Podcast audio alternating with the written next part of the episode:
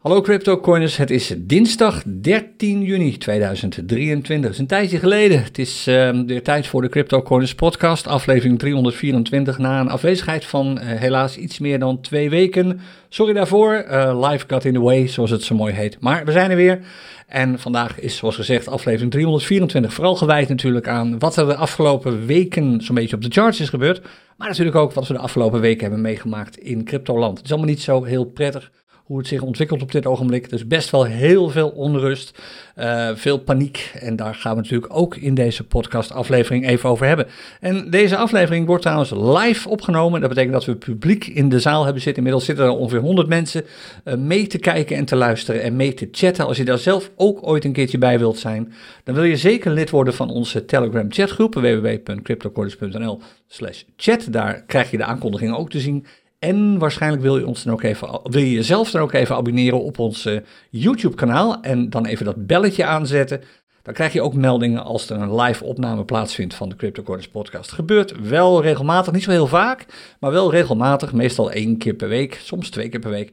En vandaag, zoals gezegd, was het een mooi moment om het weer te doen. Want ik ben er weer na een paar weken afwezigheid. En dan is het altijd leuk om even in één keer alle vragen te kunnen beantwoorden die er ongetwijfeld zijn binnengekomen de afgelopen tijd. Nou, dat gaan we straks met het publiek allemaal doen, na de opname van de podcast die dus nu bezig is. En we gaan eigenlijk gewoon meteen beginnen met, zoals gewoonlijk, eerst het rapportcijfer. Nou, je raadt het waarschijnlijk al, al te hoog is het niet. Het is een 2 en dat hebben we eigenlijk alleen maar te danken aan de groene heatmap op dit ogenblik, die voor het eerst sinds tijdje weer groen is. De vraag is nu hoe lang dat duurt. Het worden stormachtige dagen. Daar kan ik je nu alvast uh, garanties voor geven. Zometeen ga je trouwens ook zien waarom. We gaan zometeen wat nieuws van daar buitenaf behandelen. Ook wat nieuws uh, van binnenaf, dat doen we zometeen. En um, even de charts natuurlijk bekijken. En een korte rant, dus aanhalingstekens even mijn mening over wat er nou eigenlijk allemaal in de markt aan de hand is. En wat je daar wel of niet mee zou kunnen doen. Um, eerst even wat interne mededelingen, wat dienstmededelingen, want er staat weer veel te gebeuren. Toevallig uh, kwam het allemaal een beetje vervelend uit. Want uh, de meeste van de creators van de CryptoCoiners uh, omgeving uh, waren er niet. Kevan was een paar weken weg en ik was zelf dus ook een paar weken niet echt aanwezig. En dat betekent dat we weinig bijeenkomsten hebben gehad in Clubhuis. We hebben geen CryptoCoiners Café bijeenkomsten gehad. En al dat soort dingen. Geen podcast natuurlijk. En dat gaat allemaal weer veranderen. Deze week gaan we echt los. Om te beginnen de podcast live nu. En er zijn dus weer podcasts vanaf deze week. Bovendien, morgenavond, woensdag de 14e, is er weer gewoon een Crypto Corners Café bijeenkomst. Zoals eigenlijk normaal gesproken elke week op woensdagavond vanaf half acht ben je van harte welkom. Donderdag wordt echt druk. Want allereerst don uit mijn hoofd, ik heb dat niet helemaal helder, maar volgens mij is dat donderdagmiddag. Dan vindt voor onze patrons op het Patreon-platform van Crypto Corners een speciale live sessie plaats met Kevan. En dat is de eerste trade review live sessie die Kevan gaat doen. Ik denk dat het smiddags is, ik weet dat niet 100% zeker, maar de definitieve tijd post ik anders wel even bij de show notes van deze podcast. Dus dat is donderdagmiddag. Dan donderdagavond om uit mijn hoofd half acht, maar het kan ook zeven uur zijn. Het Crypto Coins Clubhuis, ook met Kevan. En om zeven uur donderdagavond, dus er vinden dus donderdagavond twee sessies tegelijk plaats, ben ik er ook met een speciale terugkomstsessie voor iedereen die meedoet aan onze cursus beleggen en traden met Bitcoin. Dus als je meedoet aan die cursus en als je nog toegangskaarten over hebt voor terugkomstsessies, kun je nog even inschrijven. Daar kun je je vragen stellen over alles wat je hebt geleerd tijdens die cursus en alle, allerlei andere dingen die je wilt delen of wilt weten die te maken hebben met bitcoin, crypto, beleggen. Alles wat ook maar een beetje in de buurt komt van die cursus wordt daar behandeld. Dus dat is donderdag. Donderdag is een volle dag. Dan zaterdag, 17 juni, dan is de eerste dag van de technische analyse live clinic. Als je daarbij wilt zijn, post ik de link wel even bij de show notes, www.cryptocorners.nl uh, slash ta-clinic uit mijn hoofd. Dag 1, die clinic duurt twee dagen. Beginnen volgens mij om half elf. Het wordt waarschijnlijk weer leuk en boeiend. We kijken dan niet zozeer naar trading, maar met name naar charts, naar technische analyse. Hoe werkt dat nou eigenlijk allemaal precies? Wat is een trend? Wat kun je met een trend? Hoe kun je trends en allerlei andere symptomen op die charts wel degelijk gebruiken om tradingmomenten te voorspellen? Maar ook hoe kun je charts gebruiken om er min of meer, min of meer zeker van te zijn wat er in de toekomst met een bepaalde prijsontwikkeling gaat gebeuren. En je merkt nu ook dat heel veel um, mensen die relatief rustig zijn, ondanks het feit dat die prijzen zo heftig bewegen, over het algemeen best wel een goede fundering hebben als het gaat om technische analyse. Dus misschien is dat ook wat voor jou. Misschien interessant om uh, daarheen te komen aanstaande zaterdag. En volgens mij ook over twee weken. Tot zover even de interne mededelingen. We gaan nu meteen maar naar buiten, het externe nieuws. Er staat een waanzinnige hoop te gebeuren deze week. En er wordt natuurlijk door allerlei influencers en YouTubers, die allemaal zitten te smeken om kliks, van alles geroepen. Van dit wordt een cruciale week voor crypto. Nou ja, ik denk dat dat wel meevalt. Maar het wordt wel spannend. Eh, je kunt er absoluut op rekenen. En je zult zien dat het dan precies de andere kant op schiet. Niemand kan dit voorspellen. Maar elk, ook normaal denkend mens, verwacht waarschijnlijk dat we deze week wel eens flink wat volatiliteit zouden kunnen gaan zien. Flink wat prijsbewegingen. En dat komt door een aantal aankondigingen die er deze week aankondigen. Het zijn er echt heel veel. Alleen vandaag al. Uh, vanmiddag om half drie onze tijd. Uh, dus half negen in uh, Amerika. Dan komt de inflatiedata naar buiten. Nou, dat is altijd een voorbode van eventuele beslissingen die de Amerikaanse centrale bank zal gaan nemen. Veel van de aankondigingen die op dit ogenblik impact gaan hebben of kunnen gaan hebben op de prijsontwikkelingen zijn afkomstig uit Amerika. Voor zolang dat nog duurt, ook daar komen we straks wel even op terug natuurlijk. Maar een van de eerste aankondigingen is dus de inflatie. Hoe loopt het daarmee? Nou, de afgelopen maanden is de inflatie min of meer steeds een klein beetje teruggelopen. Niet al te heftig, maar het liep wel wat terug. De verwachtingen zijn hoog gespannen. De meeste analisten denken dat de inflatie nog verder is teruggelopen. En dat is goed nieuws voor de rente. Eh, eigenlijk slecht nieuws voor de rente, maar goed nieuws voor ons. Want de rente wordt dan niet weer nog verder verhoogd. En meestal is het zo dat de Amerikaanse centrale bank die informatie, die inf uh, inflatie-informatie, uh, gebruikt om te bepalen wat er met de rente moet gaan gebeuren. Nou, die data, meer dan alleen maar data is dat niet, komt dus vanmiddag naar buiten om ongeveer half drie onze tijd. Maar dat is eigenlijk een kleinigheidje als je vergelijkt wat er vandaag nog meer gaat gebeuren.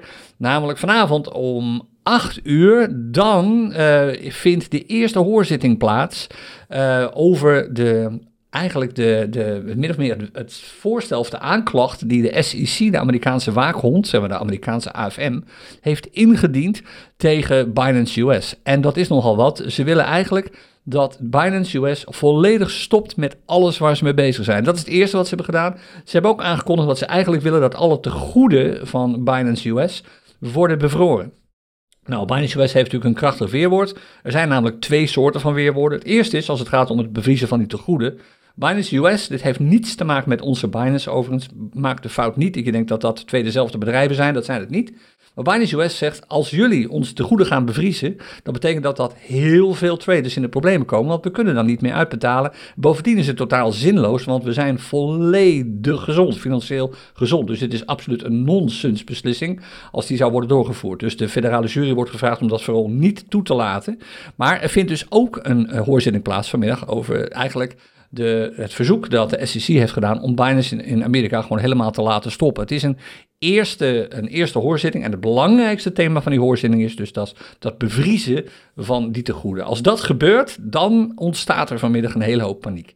Daar moet je open en eerlijk over zijn. Als vanmiddag die federale jury beslist om de tegoeden van Binance te bevriezen. En dat kan gebeuren. Dat zal, het kan ook weer een tijdje duren voordat de jury met een uitslag komt. Het kan zijn dat de jury nog meer informatie nodig heeft. Maar als er vanmiddag door de jury zou worden besloten dat die tegoeden worden, worden bevroren, wat een vreemde beslissing zou zijn, maar kijk nergens raar van op, dan is dat paniek. Want dat zal absoluut doorvloeien in de rest van de crypto tradingwereld. Dat is dus even iets om in de gaten te houden. Dat is nog niet eens alles, want er gebeurt nog meer. Het tijdstip is niet helemaal duidelijk, maar Misschien heb je wel eens gehoord van de Hinman Documents.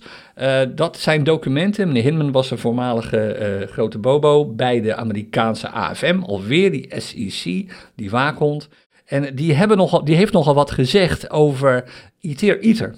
Is Ether nou wel of geen effect? Is het nou wel of geen waardepapier? Of is het eigenlijk gewoon niks anders dan een cryptomunt? Nou, een um, aantal jaar geleden zou meneer Hinman moeten hebben gezegd dat uh, Ether absoluut geen effect is. Het is crypto, het is niet meer en niet minder dan dat. Maar meneer Gary Gensler, de huidige baas van de SEC, die zegt van Ether is een effect, net zoals nog heel veel andere cryptomunten. En dat betekent dat ze niet zomaar mogen worden verhandeld zonder dat wij dat reguleren. En heel veel platformen doen dat wel, dus die zijn allemaal heel stout bezig. Nou, vanmiddag, die documenten waarin ook staat, zou moeten staan, dat Hinman dat daadwerkelijk heeft gezegd. Dus een hele hoop schriftelijke dingen. Die zijn door de SEC op slot gedaan. Nou, dan krijg je natuurlijk weer zoiets van: hoe mag, kan dit zomaar? Kan een instantie als de SEC, die in feite natuurlijk het gevolg is van een democratisch beleid, kan die zomaar dit soort documenten gewoon op slot doen. Niemand mag ze zien. Nou, daar komt dus vanmiddag, er is eigenlijk al een uitspraak over geweest. En rechter heeft gezegd, ja nee, die documenten moeten gewoon openbaar worden gemaakt. Dan verschuilt zo'n SEC zich natuurlijk weer achter allerlei bureaucratische dingetjes. Dan voel je al aan je water dat er iets niet klopt. Nou, uiteindelijk vandaag zouden ze openbaar moeten worden gemaakt. En daar zit iedereen nu op te wachten. En als in die documenten staat dat datgene wat meneer Gensler, de huidige voorzitter van de SEC, zegt, als er iets heel anders is dan in die documenten staat, dan kan het, dat is een extreem bullish signaal voor crypto. Want dan begint zo'n beetje elk weldenkend denkend mens wel te vermoeden van hier klopt iets niet. Wat, waar is deze instantie mee bezig? En daar komen we zo meteen nog wel even op terug, op die hele SEC. Is hier nou wel of geen sprake van een samenzwering? Is hier nou wel of geen sprake van bewust handel om te voorkomen dat crypto te groot wordt, omdat crypto misschien wordt gezien als een bedreiging voor fiat? Daar komen we zo meteen wel op terug. Maar die uitspraak vanmiddag, of eigenlijk het openbaren vanmiddag van die data, van die documenten, die Hinman documents, is een belangrijk iets. Ik ben zelf ook super benieuwd. Het is mij niet helemaal duidelijk wanneer die documenten naar boven komen. Ik weet, het was gepland in de loop van de middag Amerikaanse tijd. En dat zou betekenen dat het uh, pas vanavond is. We houden het natuurlijk allemaal in de gaten. Nou, dat is alleen maar vandaag. En dan morgen, morgenmiddag, uh, het is weer uh, Crypto Coins Café dag. En dan weet je net, tijdens het café komt dit altijd naar buiten. Morgen wordt misschien ook weer een volatiele dag, want morgen komt de volgende aankondiging van de Amerikaanse centrale bank of de rente wel of niet wordt verhoogd en zo ja, met hoeveel de rente wordt verhoogd. Um, de verwachting is dat dat of een minimale verhoging is of een, uh, geen verhoging. Niemand weet op dit ogenblik, de analisten zitten ook een beetje in het midden. Uh, we weten het morgenavond waarschijnlijk uh, rond, ik denk, ach, meestal is het rond 8 uur. Meestal komt die aankondiging om twee uur middags Amerikaanse tijd. Dus dat is de renteverhoging. Dan hebben we ook nog morgen de zogenaamde PPI. Dat is eigenlijk ja, ook weer een voorloper van de inflatiecijfers. Daar wordt ook naar gekeken door veel handelaren. Die wordt morgen aangekondigd. Als die price index, in de, uh, het is eigenlijk de producer, price index, die PPI, als um, die te hoog is, dan is dat weer een indicatie dat inflatie stijgt. Maar als die gedaald is, betekent dat we te maken hebben met een snelle desinflatie en misschien wel een komende recessie. Dus daar wordt ook weer naar gekeken. Nou, dan zijn we nog niet eens klaar, want donderdag komen er ook nog cijfers naar buiten over de werkloosheid, waarvan iedereen eigenlijk verwacht dat die lager blijft, of die was al lager geworden, dat die nog steeds laag blijft. Maar dat horen we donderdag wel. En vrijdag komen er in Amerika ook nog cijfers naar buiten over eigenlijk het sentiment in de markt. Eigenlijk de, de angst of niet die mensen hebben als het gaat om geld. Nou, het, het consumentenvertrouwen zou je in Nederland zeggen. Nou, we weten allemaal dat dat niet al te positief zal zijn.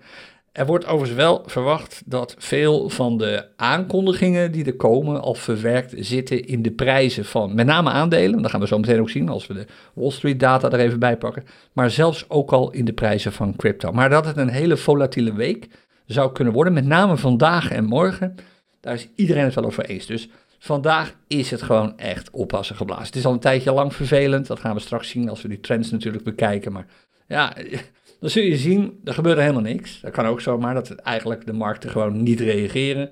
Maar als er veel volatiliteit komt vandaag, opeens snelle schokken van prijzen van zomaar 5 of 10 of misschien wel meer procenten, is dat eigenlijk niet meer dan logisch. We gaan het allemaal meemaken. Dan dan toch nog even over die SEC, voordat we zometeen de charts erbij kunnen gaan pakken.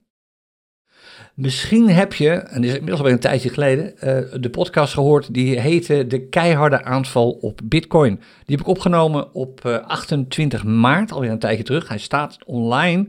En in die podcastaflevering heb ik uh, Operation Chokepoint 2.0 besproken. En als je die podcast hebt gemist, dan wil je die eigenlijk gewoon luisteren. Sterker nog, ik denk dat het de meest besproken podcastaflevering is geweest die ik heb gemaakt de afgelopen jaren. Ook omdat het niet gaat om zomaar een of andere vage samensweringstheorie of zo. Nee, er is een advocatenkantoor in Washington. En datzelfde advocatenkantoor heeft Operation Chokepoint 1 aanhanger gemaakt. Eigenlijk de essentie is het volgende in, en dit is een aantal jaar geleden in 2011, 2012 bleek dat de Amerikaanse SEC opnieuw, in combinatie met de Amerikaanse Centrale Bank, die speelde een veel grotere rol hier, bezig was met een operatie, Operation Choke Point 1, werd dat door dat advocatenkantoor genoemd, om ervoor te zorgen dat alle bedrijven die zich bezighouden met wat de bewuste centrale bank eh, verdachte transacties vond, dat konden sigarettenverkoop zijn, dat kon porno zijn, gokken zat er ook bij. Het verstrekken van zogenaamde PD-loans, dat is een manier waarop Amerikanen proberen het hoofd boven water te houden een kleine lening uh, waar het salaris als onderpand is voor een exorbitant hoge rente. Als je wel eens in Amerika bent geweest, dan heb je die PD-loonwinkels absoluut gezien. Uh, daar werd uh, het nodige tegen ondernomen. De, de Fed, de Amerikaanse centrale bank, ging gewoon zitten op de plek van de wetgever en zei: Dit is verboden. Wij vinden, wij van de Fed vinden dat dit zou moeten worden verboden en wij gaan dit gewoon beslissen. Nou, uiteindelijk natuurlijk ook weer volledig ondemocratisch. Dat is ook gestopt. Uh, dat is gestopt voordat dat advocatenkantoor uiteindelijk het proces kon winnen. Want het advocatenkantoor heeft gewoon een proces aangespannen tegen de Fed. Heeft dit tot in de Senaat gebracht. Eerst op het congres, toen tot in de Senaat gebracht. En iedereen zei van, de Fed, dit kun je niet doen. Stop je mee. Maar voordat het echte officiële bevel kwam om ermee te stoppen, was de Fed er al mee gestopt. Nou, je raadt het al, inmiddels is Operation Choke Point 2 aan de gang. En daar hebben we het dus uitgebreid over gehad in die uh, 28 maart podcast aflevering. Precies hetzelfde gebeurde weer, maar nu met Bitcoin. En dit is al even bezig. En er is een proces dat wordt doorlopen. Het begint met wat voorzichtige verdachtmakingen. Dan begint het met wat achterkamersgesprekken. Wordt het voortgezet met wat achterkamertjes gesprekken bij banken. Zo van uh, beste banken, misschien is het slim dat je mensen die, of bedrijven die bezig zijn met crypto, niet als rekeninghouder neemt. Want ja, dat zou misschien wel eens problemen voor jou kunnen gaan opleveren. Wij zeggen niet precies hoe en wat, maar houd daar rekening mee. Dus het wordt banken lastiger gemaakt. In eerste instantie emotioneel lastiger gemaakt en later, let maar op, zo meteen concreet lastiger gemaakt. Om zaken te gaan doen met cryptobedrijven. Nou, dat, die Operation Chokepoint, dat begint dus met het creëren van onrust. Het, creëert met, uh, het, begint met het creëren van geruchten die nergens over gaan. Maar ja, je weet het, waar rook is, zal wel vuur zijn. Uh, Bitcoin is terrorisme enzovoort. Al dat soort dingen werd gewoon gebruikt in die achterkamertjesgesprekken. En in eerste instantie werd er natuurlijk wat lacherig op gereageerd door banken, maar daarna wordt de aanval uh, sterker en sterker en dat zie je dus nu gebeuren. Je ziet dat de Amerikaanse SEC eigenlijk, voor zover ik kan zien, als ik die stukken erbij pak en als ik kijk naar wat ik natuurlijk hoor in de wandelgangen bij bepaalde handelsplatformen, als ik die stukken erbij pak en dan lees wat daar aan beschuldigingen wordt geuit, denk ik, jongens, dit is gewoon niet waar. Dit klopt gewoon niet. Hoe kun je zoiets opnemen? Je weet nu al dat dit geen stand houdt in een rechtszaak. Dit slaat nergens op wat je zegt. Maar de SEC heeft de volgende strategie. We zetten het er gewoon in. We creëren geruchten dat er allerlei dingen zijn gebeurd. Er zijn boten gekocht met geld dat traders hebben ingelegd enzovoort enzovoort. Het is allemaal gewoon je reinste onzin. Maar waar rook is, is vuur, is wat mensen denken. Dus mensen worden bang, mensen nemen afscheid van bepaalde handelsplatformen. Mensen denken dat alles waar is wat de SEC schrijft. Want waarom zouden die mensen immers liegen? Er zit hier een systeem, naar mijn mening, achter van een paar bobo's. Dit zijn gewoon een paar mensen met een veel te grote broek aan. Een van die mensen is die meneer Gary Gensler. Dat is de voorzitter van de SEC. Nou komt het allergekste verhaal. Ik geloof vier jaar, ik weet niet helemaal zeker wanneer het was, vier jaar 2018. Vijf jaar geleden. In 2018 was meneer Gensler nog geen voorzitter van de Amerikaanse SEC. Toen werkte meneer Gensler voor Stanford, de grote universiteit in uh, Californië. En meneer Gensler had daar een positie waarin hij onder andere praatte over crypto. En hij vond crypto eigenlijk iets grandioos. Hij vond Ether iets grandioos. Bitcoin was hij ook lyrisch over. Maar dat veranderde allemaal toen hij opeens voorzitter werd van de SEC. En waar het vroeger een van de grotere voorstanders van crypto was, is het nu een grote tegenstander. En naar mijn mening misbruikt hij zijn positie als voorzitter van de SEC om gewoon een kruistocht tegen crypto te voeren. En ik ben niet de enige die er zo over denkt. Er zijn meer en meer mensen die erover denken. Op dit ogenblik is er zelfs een wetsvoorstel aangekondigd. Het is alleen maar een aankondiging. We moeten maar kijken wat dat allemaal wordt. Dat wetsvoorstel wordt de SEC Stabilization Act genoemd. Dus eigenlijk een wetsvoorstel waardoor de SEC, de Amerikaanse waakhond, zou moeten worden gestabiliseerd. En de kern van het wetsvoorstel is dat ze zeggen: oké, die hele SEC moet opnieuw worden ingericht. Er moet een herstructurering plaatsvinden en het mag geen voorzitter hebben. Er moet gewoon een directeur zitten. En die directeur die moet worden gemonitord, want de SEC is geen zelfstandig bedrijf. Het is een een onderdeel van de regering. En die Gary Gensler moet dus gewoon weg. Deze man doet volledig verkeerde dingen die hij niet zou mogen doen. En wij willen dit er gewoon doorgedrukt krijgen. Nou, de vraag, ik zei het al, is nog maar of dit allemaal gaat lukken. Maar opvallend om te zien is dat er meer en meer uh, congresleden opstaan. En zelfs wel een paar senatoren zich hebben gemeld. Die zeggen wat de SEC aan het doen is Kan niet, is gewoon illegaal. Dus dit gaat wel een keer voorbij. Kijk, er zijn eigenlijk, naar mijn mening, twee opties. Operation Choke Point loopt, dat is duidelijk. Dit is typisch weer een voorbeeld van, luister naar die podcast, afknellen en ervoor zorgen dat je als je als bedrijf bezig bent met crypto, nu zijn het de handelsplatformen, we hebben de brokers al gehad, adviesbureaus zijn ook al aan de beurt geweest, dit blijft aan de gang gaan. Dit is duidelijk bedoeld om crypto of die handelsplatformen te stoppen en crypto zo onschadelijk mogelijk te maken. Want natuurlijk is men in Amerika, zoals in elk weldenkend land, waar gewoon gebruik is gemaakt van geld bijdrukken, quantitative, easing, er moet iets gebeuren, want als er niet gebeurt, dan komt die hele munt in gevaar. Als iedereen zomaar vlucht in crypto, wat op zich een makkelijk betaalmiddel zou kunnen worden, dan heeft de dollar en heeft straks ook de euro niet meer heel veel bestaansrecht, want die zijn waardeloos. Er wordt gewoon zoveel voorbij gedrukt als nodig is en er wordt zoveel verbrand als nodig is en dat beslissen niet jij en ik. Dat beslissen bepaalde instanties, zoals uh, centrale banken, gewoon commerciële bedrijven overigens, maar dat is een ander verhaal. Nou, Duidelijk is dus dat Amerika er alles aan doet om die rol terug te krijgen van fiat is alles, de dollar is alles. En dat betekent dat crypto eraan moet gaan. Dit levert op dit ogenblik al een enorme vlucht op.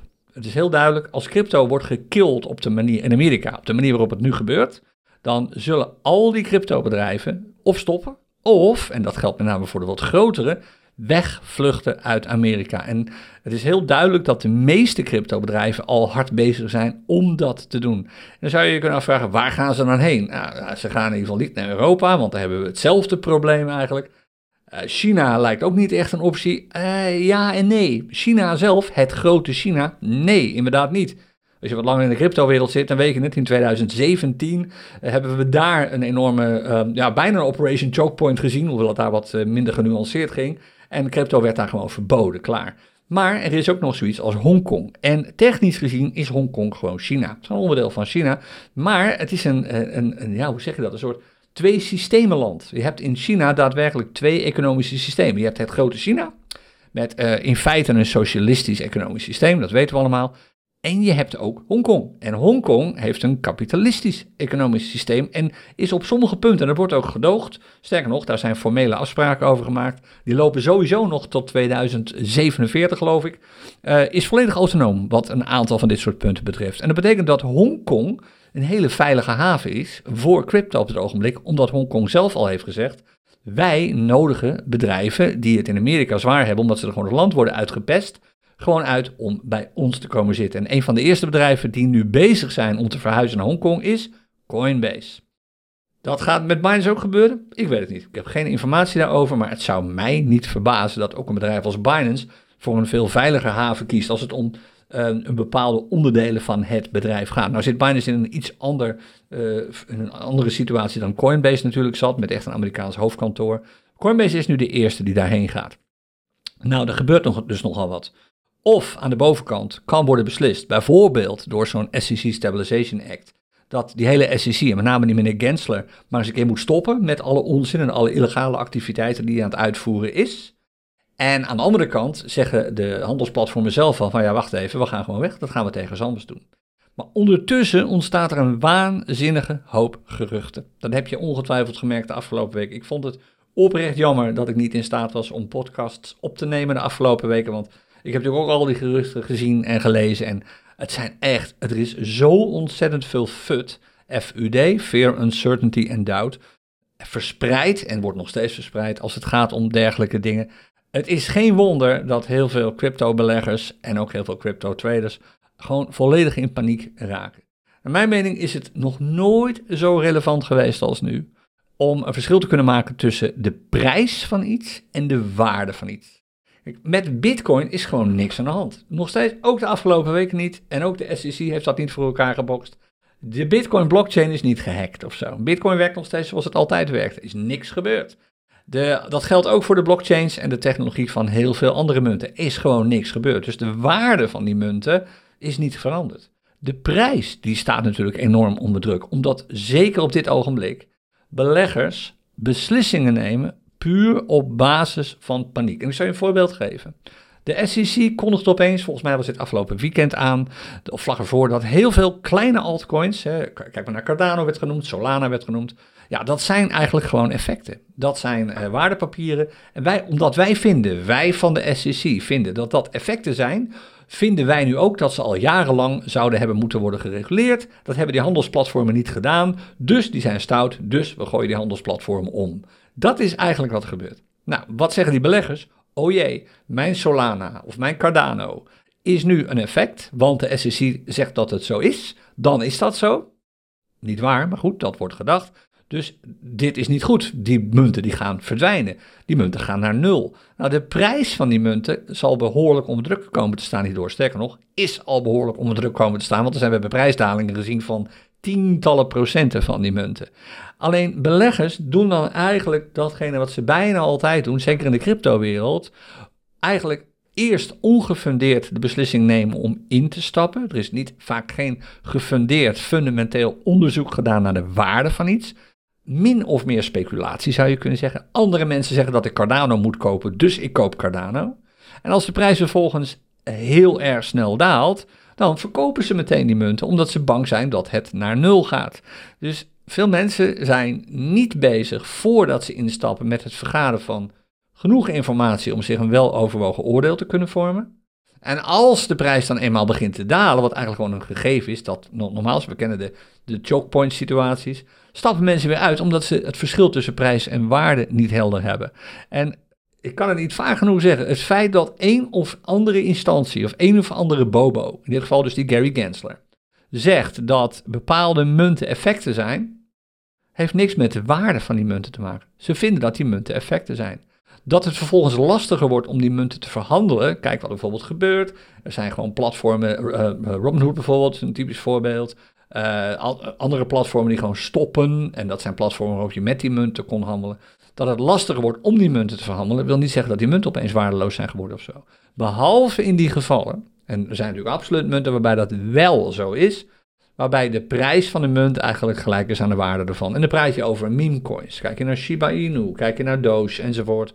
Dat zijn allemaal munten waarvan je zou kunnen zeggen, wat is nou eigenlijk echt op dit ogenblik de onderliggende waarde? En ik weet dat veel Doge-fans zeggen van, ja, maar moet je eens kijken wat er allemaal op de roadmap staat. En moet je eens kijken naar de enorme community die erachter zit. Dat is toch waarde? Nee, dat is geen waarde. Waarde is over het algemeen datgene.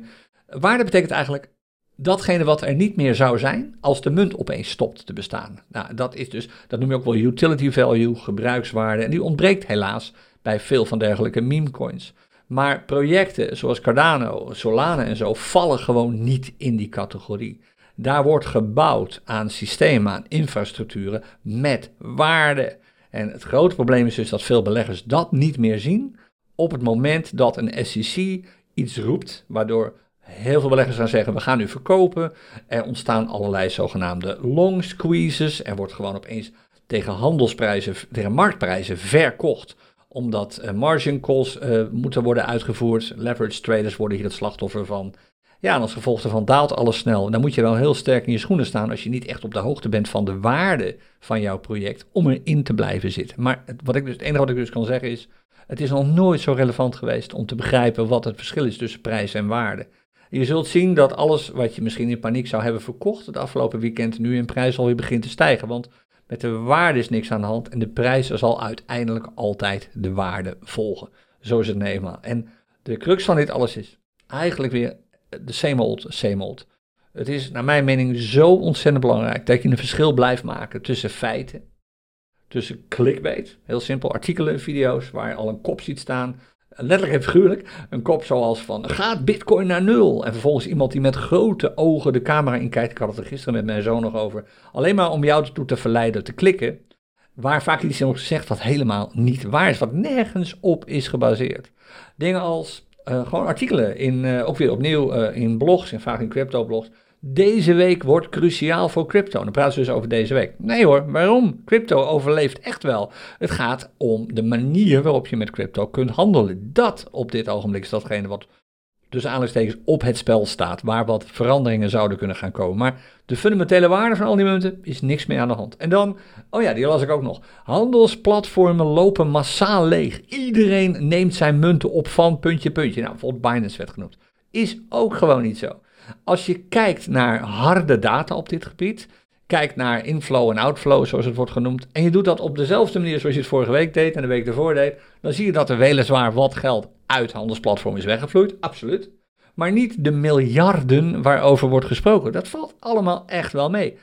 Kijk, de situatie is niet goed. Ik kan wel gaan zeggen van nou, het ziet er eigenlijk allemaal fantastisch uit. Nee, dat is natuurlijk niet zo. We zitten absoluut in een situatie waarin er veel angst in de markten zit, waarin veel dingen kritisch worden bekeken, waarin we te maken hebben met partijen die je niet meer kunt vertrouwen, die je eigenlijk zou moeten kunnen vertrouwen. De SEC is er om voor jou, niet voor jou, maar voor Amerikanen te zorgen. Nou, dat doen ze al lang niet meer. Ze gaan volledig voorbij aan de zekerheid van Amerikanen en nemen gewoon hun eigen beslissingen omdat ze het geld dat ze zelf min of meer, nou niet de SEC dan, maar hebben bedacht, willen redden. Dus je kunt er niet op vertrouwen dat altijd de juiste beslissingen worden genomen. En dat merk je. Je merkt gewoon dat mensen daar onzeker en onrustiger worden. Maar het beste advies dat ik kan geven is: blijf altijd gewoon nuchter. Neem gewoon de rust. Blijf gewoon traden als dat gaat. Blijf gewoon werken aan je portfolio. En denk vooral niet bij jezelf: ik ga ermee stoppen. Een ander ding wat ik toch even wil zeggen is het volgende.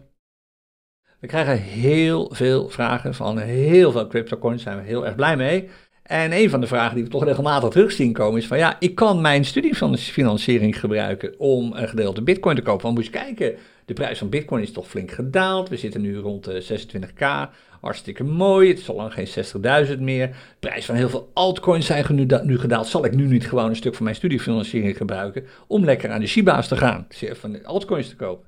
En mijn antwoord is altijd jaar in jaar uit hetzelfde geweest. Doe het niet. Naar mijn mening, en ik ga hier geen vriendjes mee maken, elke influencer die je vertelt dat je geld zou moeten gaan lenen om te investeren, waar ook in, is fout bezig. Die heeft een ander belang. Hij of zij heeft een ander belang dan jou verder te helpen. Het is de domste, domste, domste beslissing die je kunt nemen. Hoe bullish markten ook zijn, en disclaimer, dat zijn ze nu niet. Maar hoe bullish markten ook zijn, met geleend geld gaan investeren in bijvoorbeeld crypto of in aandelen, als de aandelenmarkten bullish blijven, niet doen. Het is vraag om problemen. Investeer en speel tussen aanhalingstekens alleen met geld dat je echt kunt missen. Ik zei vroeger, ik zeg nog steeds, in clinic zeg ik altijd, als je je afvraagt of je met te veel aan het investeren bent, of voor, als je overweegt om dat te gaan doen, stop dat geld in een portemonnee, leg het op een terrastafeltje op een druk terras en loop dan weg. Als je dat kunt doen zonder dat je leven ingrijpend verandert, hol dan terug, haal dat geld snel weer van dat terrastafeltje af en ga daarmee investeren. Maar als het te veel is, hol dan nog veel sneller terug en gebruik dat geld vooral niet om te investeren. En uh, eh, CZ, de man uh, achter Binance, die zegt altijd: als je investeert in iets, of het nou aandelen zijn, of huizen, of, of crypto, whatever, Ga ervan uit dat, ik zeg niet dat het gebeurt, maar ga ervan uit dat het naar nul zou kunnen gaan. Als dat tot gevolg zou hebben, als alles naar nul zou gaan, dat je leven drastisch verandert, ben je te zwaar geïnvesteerd. Dan zit je met te veel geld in beleggingen. Dus dit is opnieuw een, een, een krachtig bewijs wat er nu gebeurt. Dat veel beslissingen die worden genomen, in feite worden genomen door mensen die gewoon overinvested zijn. Veel te veel geïnvesteerd, buy high, sell low. Zorg dat je daar niet het slachtoffer van wordt. Nu zul je dat waarschijnlijk niet worden, maar in de toekomst, als we weer van die euforische prijsstijging gaan zien, en geloof me, die gaan we zien. Dat gebeurt keer op keer weer. Ook al zullen veel influencers je vertellen dat het einde nabij is, natuurlijk allemaal onzin. Dus als alles weer bullish wordt, weerstaan dan de verleiding om risico's te gaan nemen die je normaal gesproken eigenlijk nooit zou nemen.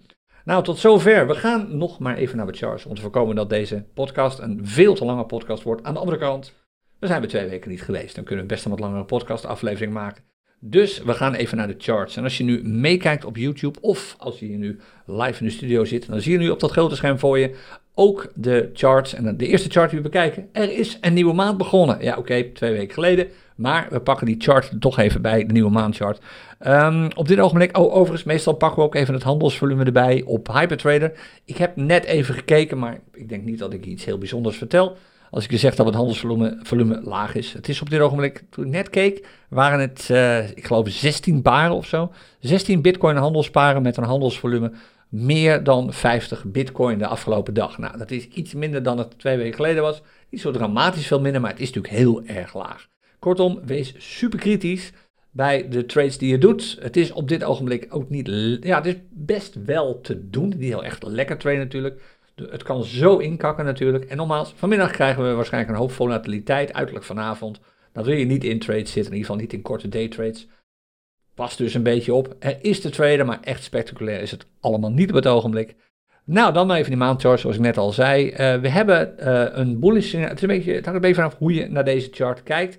Uh, de chart is, en dat was hij al, nog steeds bearish. En we hebben het vorige maand gezegd, begin mei, um, dat we te maken hadden met een high, een higher high, een swing high wordt het ook wel genoemd in dit geval. Oftewel een nieuwe piek in april. En vorige maand zei ik, als de prijs deze maand niet boven de prijs van april uitkomt, oftewel 31.000 en nog wat, dan hebben we te maken met een nieuwe high, een nieuwe piek die hoger is dan de vorige piek die we hebben gezien. En die zat een tijdje terug, die zat vorig jaar augustus. En dat is goed teken, voor de eerste keer een higher high, oftewel een hogere piek. Maar we hebben nu nog wel even een hoger dal nodig. En daar zijn we nog op weg naartoe. Dus we zijn nu echt aan het dalen en we zijn op weg naar die nieuwe trough, dat nieuwe dal. En dat kunnen we nu nog niet eens zien. We weten pas of we, of een nieuw dal te pakken hebben als of de prijs onder de trough duikt, dus onder de 15.479, de prijs van vorig jaar november. Of als we over twee maanden hebben gezien dat het dal van deze maand, of de low van deze maand, uh, wat is het, 25.000 eh, en nog wat, het laagste is geweest. Dus we hebben of de candle van deze maand nodig, nou dan zijn we dus gewoon twee maanden verder, want de candle van volgende maand zou ook nog lager kunnen worden, om te zien of we een low te pakken hebben. Dus dat duurt op zijn minst nog tot augustus of de prijs zakt tot door de 15. Dan hebben we sowieso een nieuwe trough. En dan blijven we gewoon berries. Maar als de prijs gaat stijgen en we niet bij deze trough van 15.479 zijn gekomen, de trough van november, dan hebben we te maken met een bullish maandchart. Dus het is nog geen goed nieuws, laten we eerlijk zijn. Zo spectaculair ziet het er allemaal ook weer niet uit. Maar er zijn een paar dingen op deze chart die toch wel interessant zijn, namelijk om te beginnen. We zitten nog steeds boven die MA50. We kijken alleen maar naar de candle die klaar is. En dan zien we dat de sluitprijs, ik heb het niet over de low, maar de sluitprijs van vorige maand, de maand mei, was, eh, even kijken hoor, 27.219 dollar. Dat zit een behoorlijk stuk boven die MA50-lijn, die oranje lijn als je meekijkt. Het voortschrijdende gemiddelde van de laatste 50 candles. De laatste 50 candle closes eigenlijk. En dat is cool, dat is, dat is goed nieuws, dat is absoluut bullish. Maar de prijs moet er wel boven blijven. Dus deze maand wordt natuurlijk spannend. En het gaat niet zozeer om de low. Ik ga er echt niet raar van opkijken als we vandaag nog, of zelfs misschien vandaag al, in ieder geval deze maand nog, wat lagere lows gaan zien. Maar als de close maar boven die MA50 blijft, dat is bemoedigend. Meer dan dat is het niet. De chart is gewoon bearish. Blijf voorlopig nog even bearish. We moeten echt een ontwikkeling gaan zien hier de komende twee maanden. Maar tot nu toe, de meeste dingen op deze chart zijn eigenlijk min of meer onveranderd. Klein dingetje, dat is veranderd trouwens, is de Unbalanced Volume Indicator, die we er ook altijd bij pakken, die min of meer wel wat voorspelt over wat er gaat gebeuren. Die ziet er niet altijd positief uit, die gaat naar beneden. Kijk, de afgelopen maand, dit laatste stukje wil je niet meepakken, want dat gaat over deze maand. Maar de afgelopen maand, de maand mei, is hij naar beneden gedoken. Oftewel, berries, ook berries geworden. Dus we hebben helaas te maken op dit ogenblik nog steeds met een berries maandchart. Nou, de weekchart, die was eigenlijk al heel lang bullish. Is hij dat nog steeds? Het antwoord is nee, dat is hij niet. Als je objectief en neutraal naar deze weekchart kijkt, hebben we te maken met een lower high. De high die we nu hebben van de week van 29 mei is lager dan de vorige high die we hebben gezien. En dan moet je echt even terugkijken. Dat is deze van de week van 10 eh, april. Dus we hebben een lagere high. En we hebben nu ook een lagere low. Want de vorige low die we hadden, de week van 8 mei, zitten we ook alweer onder. Namelijk vorige week, de week van 5 juni. Oftewel, alles gaat hier naar beneden. De trends zijn neerwaarts geworden, berries geworden. En dat zijn ze relatief lang niet geweest. Ze zijn eigenlijk al sinds vorig jaar november bullish geweest, opwaarts. En nu zijn ze even neerwaarts. Het hoeft niet al te lang te duren, maar op dit ogenblik is er sprake van een neerwaartse trend. En ook de prijs komt steeds dichter in de buurt van die plustekentjes onder de prijs als je meekijkt. De parabolic stop en reverse. Als, die prijs, als de prijs er ook maar even onderduikt, keert deze indicator ook om naar bearish is geldig omdat we duidelijk te maken hebben met een dalende prijs. Dit is geen zijwaartse beweging meer. Er zit een behoorlijk verschil tussen de piek van 10 april, die zat rond de 31.000 dollar. En de laatste trough die we hebben gezien, die zit 25.000 dollar, zit 6.000 dollar tussen. Dus dit gaat wel even ergens over. Dat is gewoon een, percentage van 20%. En dat betekent dat we deze als geldig signaal kunnen zien als hij omkeert, als die ook bearish wordt. Net als de unbalanced volume dat al is, ja, dan blijft de weekchart helaas wel een tijdje bearish. En die weekchart, als je hem in de gaten wilt houden, waar ik op let, is ah, die Kelton Channels natuurlijk. De prijs moddert daar al een tijdje binnen. Op dit ogenblik daalt hij wat meer naar het onderste gedeelte, maar hij zit eigenlijk nog steeds bovenin. Dus neutraal zou je dat op dit ogenblik kunnen noemen. En ik kijk ook naar, en dit is echt wel vervelend, die MA200 op de weekchart. Dat is die rode lijn die je ziet lopen, het voortschrijdende gemiddelde van de laatste 200 candles.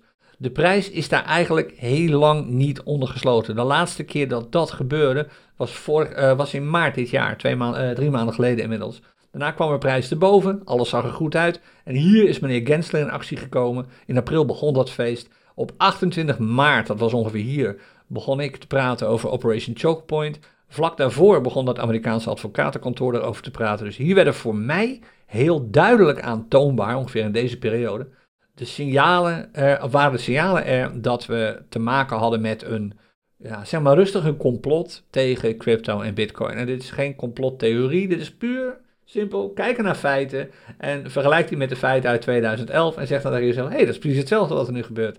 Koppel daaraan wat het eh, advocatenkantoor heeft, uh, heeft gezien, gesignaleerd en inmiddels al heeft neergelegd bij de rechtbank. En dan weet je van, dit gaat echt ergens over. Dit is niet zomaar een of andere zweverige complottheorie of iets dergelijks. En hier werd duidelijk dat er iets begon te spelen. En sindsdien is de prijs eigenlijk alleen maar gedaald. We hebben nog een piekje gehad, dat is dus die mooie high van 31 nog wat. Maar hier werd gewoon pijnlijk duidelijk dat er aanklachten kwamen, dat de SEC begon in te grijpen. En dan heb ik nog niet eens over alle toestanden natuurlijk met inflatie en dergelijke. Dit is puur SEC wat je hier ziet gebeuren. En eigenlijk is het natuurlijk van de gek, hè. Want Amerika is niet de hele wereld. Amerika heeft nog niet eens een, een, tiende van de wereldbevolking. Er wonen maar een paar honderd miljoen mensen. Maar het land is een economische grootmacht nog steeds. En heeft natuurlijk tot gevolg dat beslissingen die daar worden genomen impact hebben op wat er in de rest van de wereld gebeurt. Maar wat crypto betreft zou dat wel eens sneller voorbij kunnen zijn dan Amerika verwacht en hoopt. Vooral als dit daadwerkelijk die uitstroom komt van die handelsplatformen richting bijvoorbeeld Hongkong. Nou, prijs dus aan dalen, terug naar die weekchart. Dat betekent dat we hier te maken hebben met bearish trends op dit ogenblik. Het eerste chart waar je dan natuurlijk naar kijkt is naar de dagchart. Is die dan inmiddels misschien een beetje bullish geworden? Het antwoord is nee. Die is ook bearish. Daar is weinig bullish te zien. Eigenlijk niks. Ik bedoel, alles is bearish. De Keltner channels zitten echt onder in het bearish segment. Onbalanced volume indicator is bearish geworden. De, de candle van vandaag, van vandaag wil je niet meetellen. Is bearish, ziet ook lagere pieken en dalen als je kijkt naar de OBV. We, zijn, we hebben een dal opgeschreven op 10 juni. Dat was lager dan het vorige dal dat we hebben gezien. We hebben een piek opgeschreven een paar dagen eerder, vorige week. Uh, woensdag geloof ik. Dat was uh, lager dan het vorige dal. Oftewel, alles duikt op de dagchart ook. Dus de dagchart is bearish, de weekchart is bearish, de maandchart is bearish. Is er dan werkelijk geen echt enkel goed teken? Dan moet je terug naar de urenchart. En als je de Bitcoin urenchart erbij pakt, dat is op dit ogenblik de enige min of meer significante chart die bullish is. Kijk maar, hogere piek en hogere dalen. Maar het gaat niet echt heel spectaculair. Kijk, hier was het even een hogere piek, maar meteen weer een lager dal. Meteen weer een compressie die optreedt. Nou, nu is dat minder het geval. We hebben nu eigenlijk sinds gisteravond te maken met een bullish trend op de urenchart. Maar open en eerlijk, dit gaat natuurlijk nergens over. Als je het vergelijkt met de bearish trends op de dag, week en maandchart. We moeten dus, naar mijn mening, nog wel een tijdje leven met het feit dat omdat het sentiment ook niet al te bullish is, wat crypto betreft, is eerder bearish. Het sentiment van Bitcoin ook. De trends ook bearish zullen blijven en de prijsontwikkeling dus ook bearish zal zijn. Daar moeten we het gewoon mee doen. Het is zoals het is. En nogmaals, heb je een beleggingsplan, heb je het geld beschikbaar en kun je het missen om te gebruiken dat beleggingsplan, dan zou ik me goed kunnen voorstellen je zegt van ja, dit is gewoon investeren. Dit is gewoon tijd om daadwerkelijk te beelden, te bouwen aan mijn uh, crypto vermogen. Want ja, het is relatief goedkoop. Maar je wilt dus niet in één klap alles kopen, want de prijs zou naar beneden kunnen gaan, omdat alleen al de trends op de langere charts dat dicteren.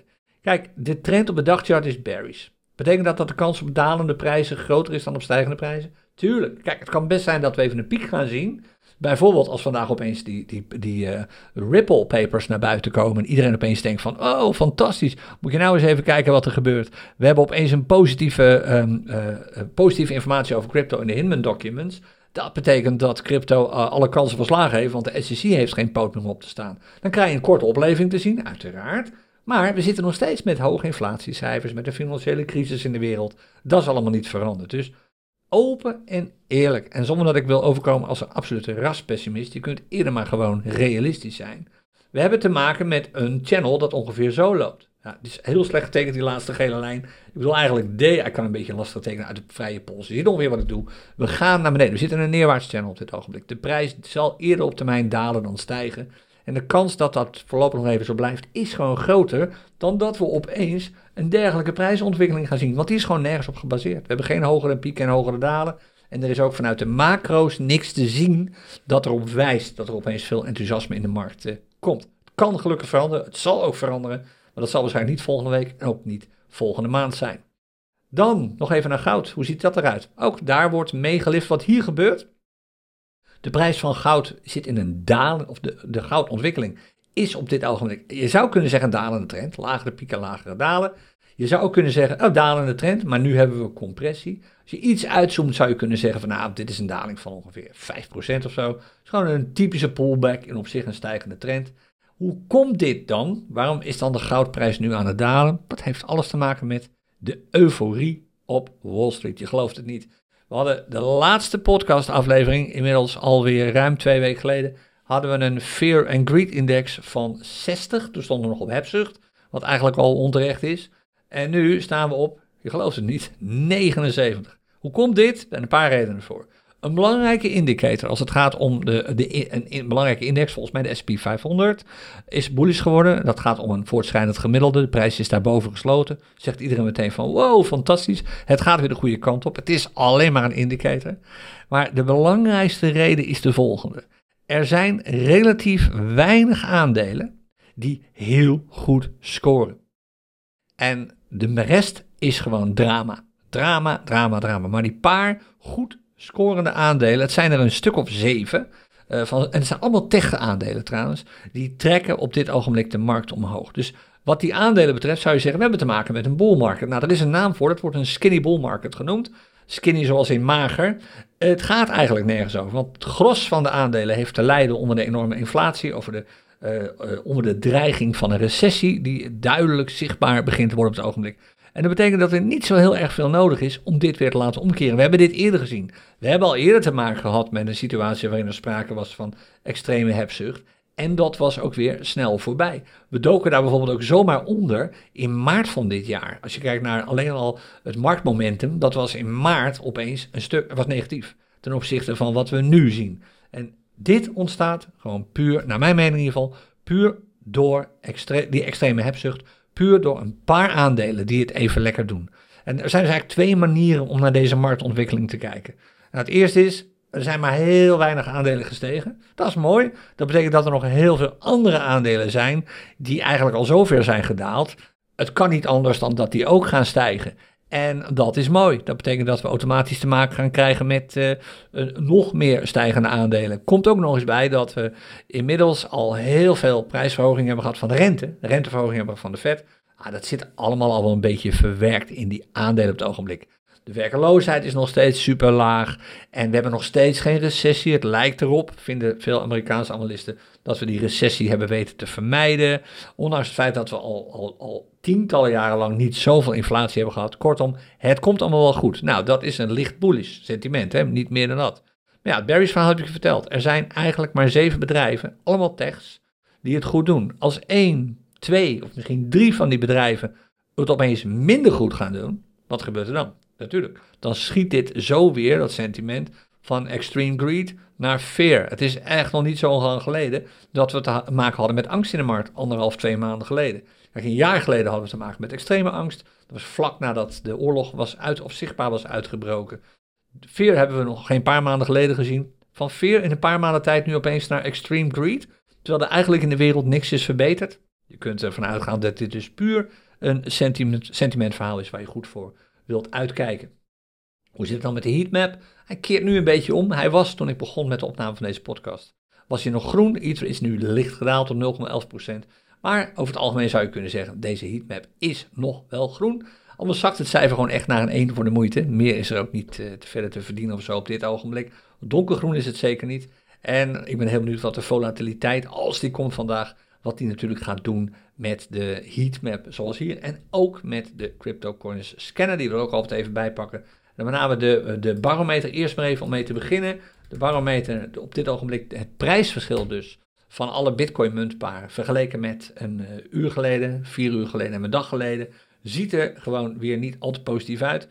Afgelopen uur zijn de prijzen gemiddeld alweer gedaald met 0,3%. Is dit een voorbode van wat we gaan meemaken vandaag? Wie het weet mag het zeggen. Het is in ieder geval niet lekker. Dus houd er rekening mee dat als je nu in een long trade gaat, je koopt iets met bitcoin omdat je verwacht dat de prijs ervan gaat stijgen. Dan wil je echt wel goede trades maken met dus goede instapmomenten. Dus wees daar extreem kritisch op.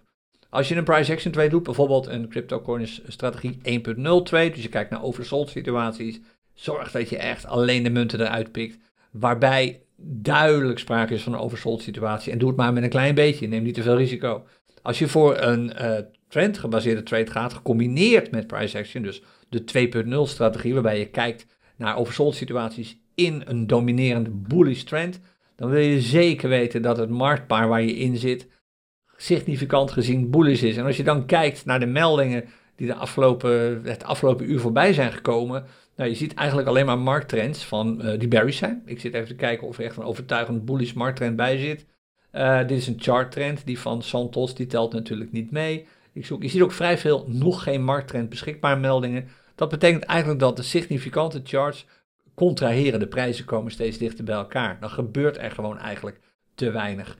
Berries, berries. Ik zit, je, moet, je ziet hoe je echt moet zoeken naar marktparen die bullish zijn op het ogenblik. Als je de 2.0, de CryptoCoins 2.0 strategie gebruikt, dan ga je echt concessies doen. Kijk, hebben we Ether versus de Bitcoin bijvoorbeeld.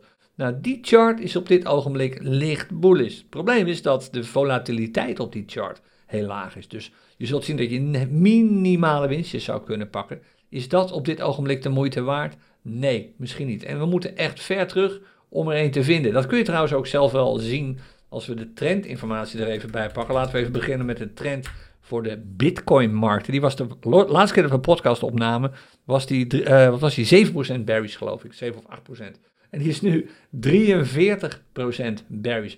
Kijk, er is geen bullish marktpaar te vinden waarbij de echt lange charts, de dagcharts en de weekcharts gewoon bullish zijn. En dat blijkt uit deze cijfers. 60% is de hoogste score. Dat is niet veel, dat is vragen om problemen als je long trades gaat doen. Dus zelfs bij langere intraday trades wil je oppassen bij de swing trades. En berries, er zijn er een paar bij, die zijn bijna 100% berries. Er zijn simpelweg veel meer berries charts dan bullish charts, alleen al voor de bitcoin markten. Nou, ziet het er dan voor de dollarmarkten beter uit? De laatste keer, US, USDT, de laatste keer dat ik keek, was de vorige podcast, hadden we 31% berries, geloof 30,8% was het toen. En nu is het, niet schrikken, 56,5% berries. Oftewel veel meer berries charts. Er zit één, er zit één of twee bullish charts bij. En die zijn best wel aardig bullish, maar over het algemeen, het zakt zo snel onder de 30%. Dat je, en dat zijn ook nog best wel vaak stablecoins. Ja, oppassen geblazen. Kijk uit, kijk uit, kijk uit. Dus wees gewoon even voorzichtig, ook deze week weer. En dit is meteen de crux. CryptoCoiners gaat voor heel veel mensen toch vooral over traden. En misschien krijg je de indruk en het gevoel dat je moet traden. Als je niet trade, dan win je niet. Dan ben je niet bezig om vermogen op te bouwen. Er zijn gewoon periodes waarin je nog steeds zou kunnen traden, maar dan wil je extreem weinig risico nemen. Dus als je gaat traden, doe dat vooral. Mijn advies is, doe het gewoon om met name te leren, om, een, om je tradingstrategie te verfijnen, om te kijken hoe je kunt omgaan met situaties waarin markten dalen.